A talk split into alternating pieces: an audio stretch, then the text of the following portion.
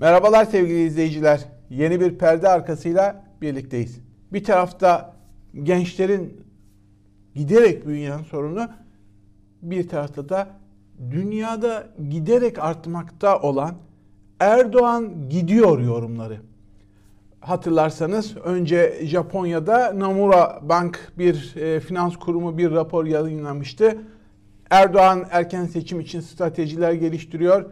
Ya o hal ilan edecek ya erken seçime o hal şartlarında girecek diye kritik bir rapordu. Ardından e, Foreign Affairs dergisinde Soner Çağaptay'ın Erdoğan'ın sonu diye bir yazısı vardı. Darbe senaryosundan Erdoğan'ın sokak olaylarını bastırmaya yönelik girişeceği muhalefet partilerini kapatmasına varacağına varacağı kadar iddia ettiği yaptırımlar silsilesi, bir kaos planı, The Times da Ian Bremer'in yayınladığı Türkiye'nin küresel kriz listesine aldığı ilk 10 küresel kriz risk potansiyeli içerisinde 2022'de aldığı Türkiye ve Erdoğan portresi vardı. Erdoğan'ın bir erken seçime gidebileceğini, Türkiye'de kaos yaşanacağını söylüyordu. Şimdi yeni bir halka daha eklendi. Almanya'da Frankfurter Allgemein gazetesinde yazan Türkiye ve Orta Doğu uzmanı Rainer Hermann ilginç bir iddiada bulundu. Şimdi o iddiaya geleceğim. Ama bu iddiayı destekleyen bir gelişme daha oldu. Ahmet Davutoğlu. AK Parti'de başbakanlık, genel başkanlık yapmış isim. Sonrasında ayrılıp Gelecek Partisi'ni kuran Ahmet Davutoğlu'nun hiç beklenmeyen şok açıklamaları var. Şimdi iki iddiayı arka arkaya vereceğim. Ardından Enes Karaoğlay'la gireceğiz. Rainer Harman Frankfurter Allgemein gazetesinde diyor ki Erdoğan 20 yıl önce iktidara bir ekonomik krizle geldi. 2002 krizini kastediyor. Ve şimdi yeniden bir ekonomik kriz, giderek derinleşen bir ekonomik kriz yaklaşıyor ve ekonomik krizle geldi. Ekonomik krizle gidecek. Bu herkesin az çok öngördüğü bir şey. Ama öngörülmeyene dair ilginç bir bilgi veriyor. Geçmişte Türkiye'de gazetecilik yapmış. Hem Türkiye hakkında Türkçe'de yayınlanmış bir kitabı var. Hem de Orta Doğu hakkında yayınlanmış çok sayıda eseri var. Diyor ki Ankara'da iyiye alamet olmayan bir cümle dolaşıyor. Türkiye'de normal bir hükümet değişikliği olmayacak. Evet. Türkiye'de normal bir ekonomi normal bir hükümet değişikliği olmayacak. Gelişmiş demokrasilerde tabii olan bir durum hükümetin seçimle değişmesi Türkiye'de mümkün olmayacak. Hükümetin seçimle değişmesi Türkiye'de mümkün olmayacak. İlginç cümleler. Çünkü Erdoğan ve 19 19 yıldır iktidarda olan AKP'si için her şey çok fazla tehlikede diyor. Makamın koruması olmadan Erdoğan'ın ailesinin ve yakın çevresinin yolsuzlukla elde ettikleri tüm zenginlikleri gün ışığına çıkarılacaktır. Bir, Erdoğan normal yolla gitmeyecek. Ya da normal bir yolla, yöntemle gitmeyecek iddiası. İkincisi Erdoğan'ın şahsının, ailesinin, yakın çevresinin ve yandaşlarının mal varlığının ortaya döküleceği iddiası. Soner Çağaptay'ın Foreign Affairs'teki yazısında da Erdoğan'ın ve çevresinin yolsuzluklarla, rüşvetle aşırı zenginleştiği ve yandaş medyaya ulufeler dağıttığı bir suç etrafında bir suç kümelenmesi örgüsü oluşturdu ve bu nedenle de o koltuğu bırakmamak için her ama her şeyi deneyecekleri iddiası vardı. Giderek uluslararası medyada birbirini destekleyen arka arkaya kulis yazıları. İlginç. Daha e, da ilginci diyor ki Herman Erdoğan fakirlere din ve milliyetçilik dağıtılabildi. Dağıttı sadece ve bugün de elinde geriye sadece din ve milliyetçilik kartları kaldı. Dini istismar edecek, milliyetçiliği istismar edecek iktidarda kalmak için diyor. Türkiye'de Kazakistan benzeri olaylar olur mu? İddia e, sorusunu ele almış. E, o Erdoğan'ın iç savaş tehdidini, e, Akşener'in Erdoğan'a psikiyatrist tedavi önerilerini belirtmiş. E, ne olacağını bilmiyorum ama diyor Türkiye'de gidişat normal olmayacak. Erdoğan'ın gidişi ve sonrasında da şahsının, ailesinin, çevresinin mal varlıkları ortaya çıkacak, dökülecek diyor. Şimdi iyi de ne var ki diyebilirsiniz. İşte tam bu noktada ilginç bir zamanlamayla Ahmet Davutoğlu'nun dün Haberler.com'da verdiği yayınlanan röportajı var. Ahmet Davutoğlu beklenmedik bir çıkış yapmış. Diyor ki bir yüzükle başlayan yolculuk artık hesabı mümkün olmayan servetlere dönüşmüş durumda. Evet. Bir yüzükle çıkılan yolculuk artık hesabı mümkün olmayan bir servete dönüşmüş. Bir yüzükle çıkılan yolculuktan kastı Erdoğan'ın 1994'te İstanbul Büyükşehir Belediyesi'ne aday olduğunda yaptığı konuşma.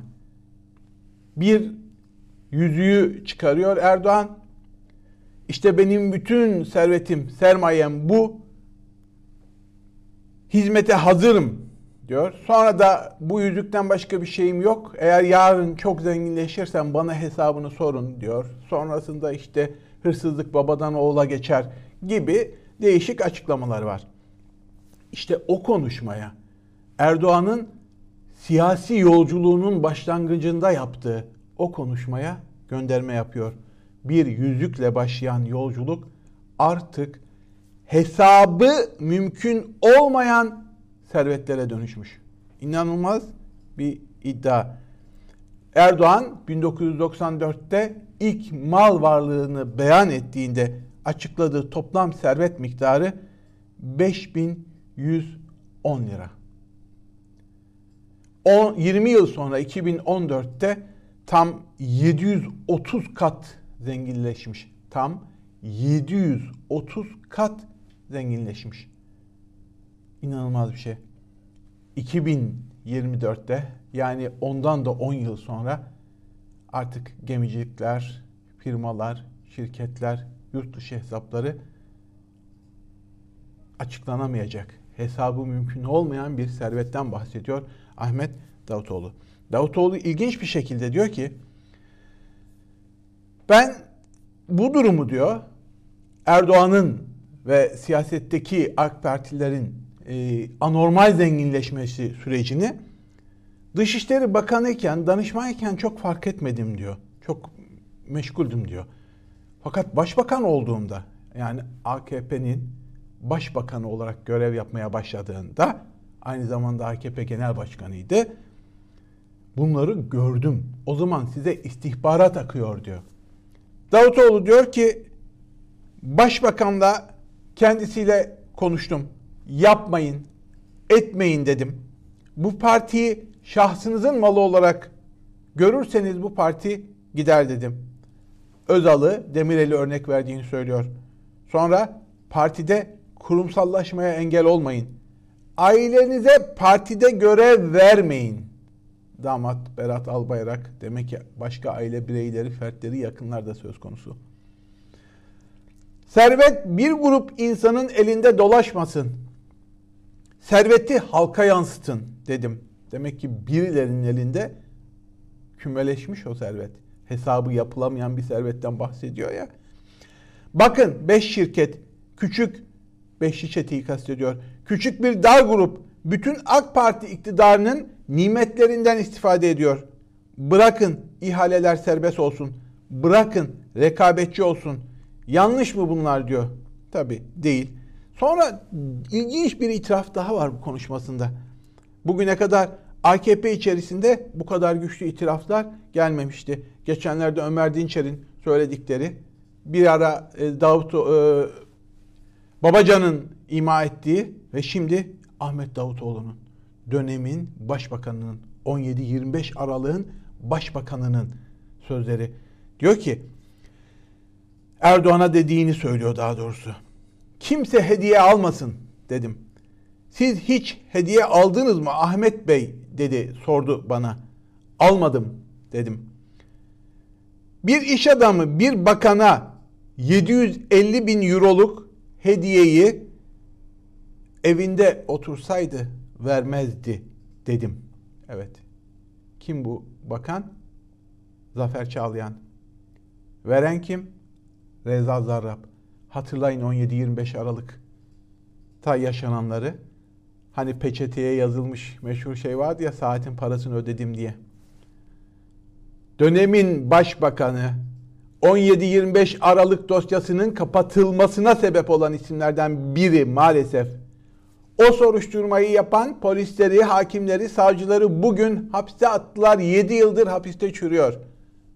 Yok yere hapis yatıyorlar. Hırsızlığı, yolsuzluğu, rüşveti ortaya çıkardıkları için.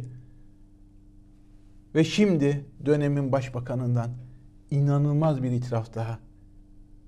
750 bin euroluk hediyeyi o bakan evinde otursaydı vermezlerdi.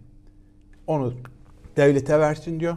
Ben öyle yaptım diyor. Belirli değerin üzerindeki tüm hediyeleri ayrılırken devlete aktardım ama sonra ne yaptılar onu da bilmiyorum diyor. Orası da ilginç.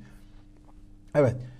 Önce Frankfurter Allgemein'in Erdoğan'ın şahsının, ailesinin, yakın çevresinin, beşi çetenin vesairenin mal varlıkları ortaya dökülecek. Erdoğan normal yolla gitmeyecek iddiası. Ardından Davutoğlu'nun bir yüzlükle başlayan yolculuk Erdoğan'ı kastederek bugün hesabı yapılamayan bir servete dönüşmüş açıklaması ve 17-25 Aralık'taki o ünlü saat olayını Reza Zarrab'ın İranlı iş adamı Amerika'ya sığınıp Halkbank davasında Türkiye aleyhine bugün şahitlik yapan, itirafçılık yapan ama AKP'nin hayırsever iş adamı deyip yılın iş adamı ödülü vererek sahip çıktığı ve dönemin bakanının önünde yatarım Reza senin dediği ünlü iş adamı Reza Zerrab'dan 750 bin euroluk saat hediyesini de satır aralarında doğrulamış. Gönül ister ki hem Babacan hem de Davutoğlu hem de dönemin diğer bakanları bildiklerini daha açık ve samimiyetle ortaya döksünler. İşte onların da bilip dökmedikleri, hala işlerinde sakladıkları bu bilgi kırıntıları gibi ara satır aralarına yansıyan şeyler var ya, bugün on binlerce masumun acı çekmesine sebep oluyor. Yok yere işkence görmesine sebep oluyor. Bunda payları yok. Direkt olarak belki. Ama o sırrı saklayarak gerçeklerin üstünün örtülü kalmasına yardımcı olarak ve yardımcı olmaya devam ederek maalesef o işin bir parçası oluyorlar, alet oluyorlar. Cesaretle açıklamalarını sürdürmelerini temenni ederim. Gelelim Türkiye'yi sarsan intihara, Enes Kara olayına. Enes Kara Elazığ'da bir tıp öğrencisi bunalıma giriyor. Anlaşıldığı kadarıyla son videosundan anlaşıldığı kadarıyla hem inanç bunalımı yaşıyor hem de geleceği adına umutsuzluk bunalımı yaşıyor. Çok net açıklamaları var ateist olduğunu ama bir cemaatin yurdunda kaldığını, kendisine e, risale dersleri yapıldığını fakat bu derslerden de tatmin edici sonuçlara henüz ulaşmadığını, bir bunalımda olduğunu ifade ediyor. Ama sadece o değil. İstemeyerek girdiği bir bölünmüş tıp. Ailesi, babası da açıklama yapıyor. Aslında ilk 3000'e girseydi mühendislik tercih edecekti. Sonrasında iş bulması kolay olur diye doktorluğu tercih etti diyor. Fakat kendi konuşmasında doktor olursan da işte doktorlara yönelik şiddete işaret ediyor. Yoğun mesai gece nöbeti vesairesine işaret ediyor. Ee, onun da zorluklarına işaret ediyor ama daha önemlisi içinde bulunduğu bunalımı bir yansıtması olarak muhtemelen notlarının 60 olması gerektiği ama şu an 25 ortalaması olduğunu belirtiyor. Bir bunalım yaşadığı net. Bu bunalımı birlikte kaldığı arkadaşları ya da o evin sorumlusu olan insanlar anlayamamış yeterince. Ailesi de kendisiyle, kendileriyle bunalımını bu derece paylaşmadığını, bilmediklerini bilseydi evden ayrılmasını söyleyebileceklerini söylüyor. Maddi durumlarının yokluğundan değil, ailenin özel tercihiyle o evde kalıyor. Fakat acı bir olay. Allah'tan rahmetiyle muamele etmesini dileriz. Ailesine sabır dileriz. Fakat olay bambaşka bir boyuta geçmeye başladı. Türkiye'de bir gencin intiharı üzerinden tarikatlar kapatılsın. Türkiye'deki tarikat ve cemaat yurtları tamamı kapatılsın boyutuna ulaştı. Şimdi ilginç olan sapla saman karıştı diyebileceğimiz duruma gelelim. Birincisi bu bir tarikat evi değil, cemaat evi. Tarikatlar kapatılsın, zaviyeler kapatılsın kanununa atıfta bulunuyor. O kanun burada karşılığı olan bir şey değil. İkincisi yurtlar kapatılsın deniyor. Bu bir yurt değil, ev, öğrenci evi. Şimdi bunu nereye gideceğini iyi kestirin. Ne dediğinizi iyi kestirin. Zira öğrenci evlerini kontrol etmeye kalkarsanız, devlet kontrol etsin derseniz öğrenci hürriyeti diye bir şey geriye bırakmazsınız. Devlet yurtları yetersiz kalmış. O yüzden çocuk buraya gitmiş de değil. Maddi durumunun çok kötü olmadığını anlıyoruz ailenin açıklamalarından. Ama bu sebeple tarikat ya da cemaat yurtlarında evlerinde kalmak zorunda olanlar var. Bir, devlet önce sorumluluğunu yerine getirsin. Yeter derecede yurt ve insanca yaşam imkanı sağlasın. Her şeyden önce. Çünkü mevcut yurt kapasitesinin yarısı özelden karşılanıyor. İkincisi bu gencin bunalımı sadece inanç bunalımı değil. Umutsuzluk, gelecek bunalımı, gençlerin yurt dışına çıkmasından hatta insanların AKP tarafından inanç sömürüsüne maruz kalmasından rahatsızlığını dile getiriyor. Bunu almış. İktidar gençlerin gelecek umutlarını karartmış gözüküyor. Üçüncü bir şey, bir intihar. Tabii ki göz ardı edemezsiniz, asla küçümseyemezsiniz. Bir insan hayatından bahsediyoruz. Fakat AKP döneminde 20 yılda toplam intihar sayısı 2020 hariç 2019'a kadar, 2002'den 2019'a kadar toplamda 53 bin. Yıllık intihar vaka sayısı 3 binle 4 bine tırmanmış durumda. Bunun bir din sorunu olduğunu zannediyorsanız Çin'de, e, Kuzey Avrupa ülkelerinde, Moğolistan'da, Slovak Slovakya'da intihar vaka sayıları oranı daha yüksek Türkiye'den. Yani bu işi intiharı cemaate bağlamak, tarikata bağlamak ne kadar sağlıklı değil bu görülsün diye istiyorum. Ya vaka tabii ki bunu önlemeye varsa suçlusu, sorumlusu tespit etmeye gitmeli ama buradan topyekün tüm öğrenci özgürlüğünü yok edecek bir yere evirmeye çalıştırmak, öğrencilerin kendi kaldığı evleri bile devlet denetimine sokmaya kalkmak, polis üniversitede olmasın derken polis öğrencinin evinde olsun derseniz inanılmaz bir yere evlenir. Ne yapmak istediğinizi iyi düşünün. İkincisi topyekün düşmanlık. Velev burada bir hata var. O cemaatteki insanların hatası var. Anlarım. Kapatılsın. Değil de sorumlu kimse o cezalandırılsın. Mesela Ensar yurdunda tecavüz çok konuşuldu. Sorumluların cezalandırılmamasını sağladı iktidar. Mutlaka cezalandırılmalıydı. Ama Topyekün Ensar Vakıfları kapatılsın dediğinizde, Topyekün tarikat yurtları kapatılsın dediğinizde karşınıza bir blok mağduriyet doğuyor. Bir vaka üzerinden ya da birkaç vaka üzerinden topyekün din ve dindar düşmanlığı gibi algılanıyor. Henüz daha 28 Şubat'ın travması veya öncesi baskıların travmasını atamamış kitleler yeniden seküler kemalist ulusalcı kanadın derin devletin hedefi haline geldikleri korkusuna kapılıyor. Bunun neticesi daha vahim.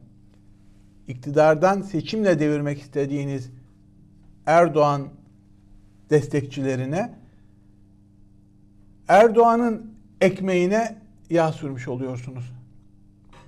Çünkü hatırlayın AKP seçmen tabanının yüzde 72'si CHP ya da Millet İttifakı iktidara gelirse kendi yaşam şartlarını, kendi yaşam e, modellerini tehdit altında gördüğünü düşünüyor. AKP'yi terk etmeme nedenleri. Siz bu şekilde topyekün tehdit, topyekün cezalandırma, gerçeği de saptırarak evde olmuş bir olayı tüm yurtları kapatma gerekçesi olarak lanse etmeye başladığınızda din ve dindar düşmanı bir kitlenin yeniden iktidara gelerek topyekün İslam'ı cezalandırmaya çalıştığı algısına sebep oluyor. Bu da AKP'nin etrafında ekonomik olarak beğenmeseler de, siyaseten beğenmeseler de, yolsuzluklarını, yalanlarını görseler de kendi geleceklerini tehdit altında gördükleri için kümeleşmeye, kemikleşmeye sebep oluyor. Kaş yapayım derken göz çıkarmak buna denir. Bir gencin hayatının hesabını soralım derken geriye kalan tüm gençlerin geleceğini karartmak inanılmaz bir açmaz. O yüzden yeni Enes Karalar yaşanmasın diye tüm yurtlar tabii ki denetlensin. Yasal faaliyet göstersin. Ama özgürlükler engellenmesin. Devlet Bahçeli'nin Anayasa Mahkemesi kapansın. Ardından Türk Tabipler Birliği kapatılsın. Önüne gelen her şey kapatılsın diye açıklama yaptığı gibi sonra da dönüp HDP kapatılsın, Anayasa Mahkemesi de HDP'yi kapatsın. E sen zaten Anayasa Mahkemesi'ni de kapatmıştın, kapanmasını istiyordun. Niye şimdi Anayasa Mahkemesi'nden HDP'nin de kapatılmasını istiyorsun sorusu akla geliyor. İstemediğim her şey, muhalif olduğum her şey kapatılarak yok edilsin demek o da demokrasi değil. Bir arada yaşamayı öğrenmek, gençlerin geleceğini aydınlatmak asıl olan şey bu. Bu da bu iktidarın gitmesiyle mümkün. Ama hem bu iktidarı götürmek hem de bu iktidarla birlikte olduğunu düşündüğünüz tüm kitleleri yok etmek gibi bir algıya sebep olursanız sadece Erdoğan, şahsı, ailesi, yakın çevresi, beşli çete ve suça karıştırdıkları değil, kendi inanç ve ibadet hürriyetlerini tehdit altında gibi algılayan kitleleri de Erdoğan'ın arkasında kemikleştirirsiniz. Kaş yapayım derken göz çıkarmayalım. Yeni bir perde arkası programında buluşmak dileğiyle. Hoşçakalın diyorum.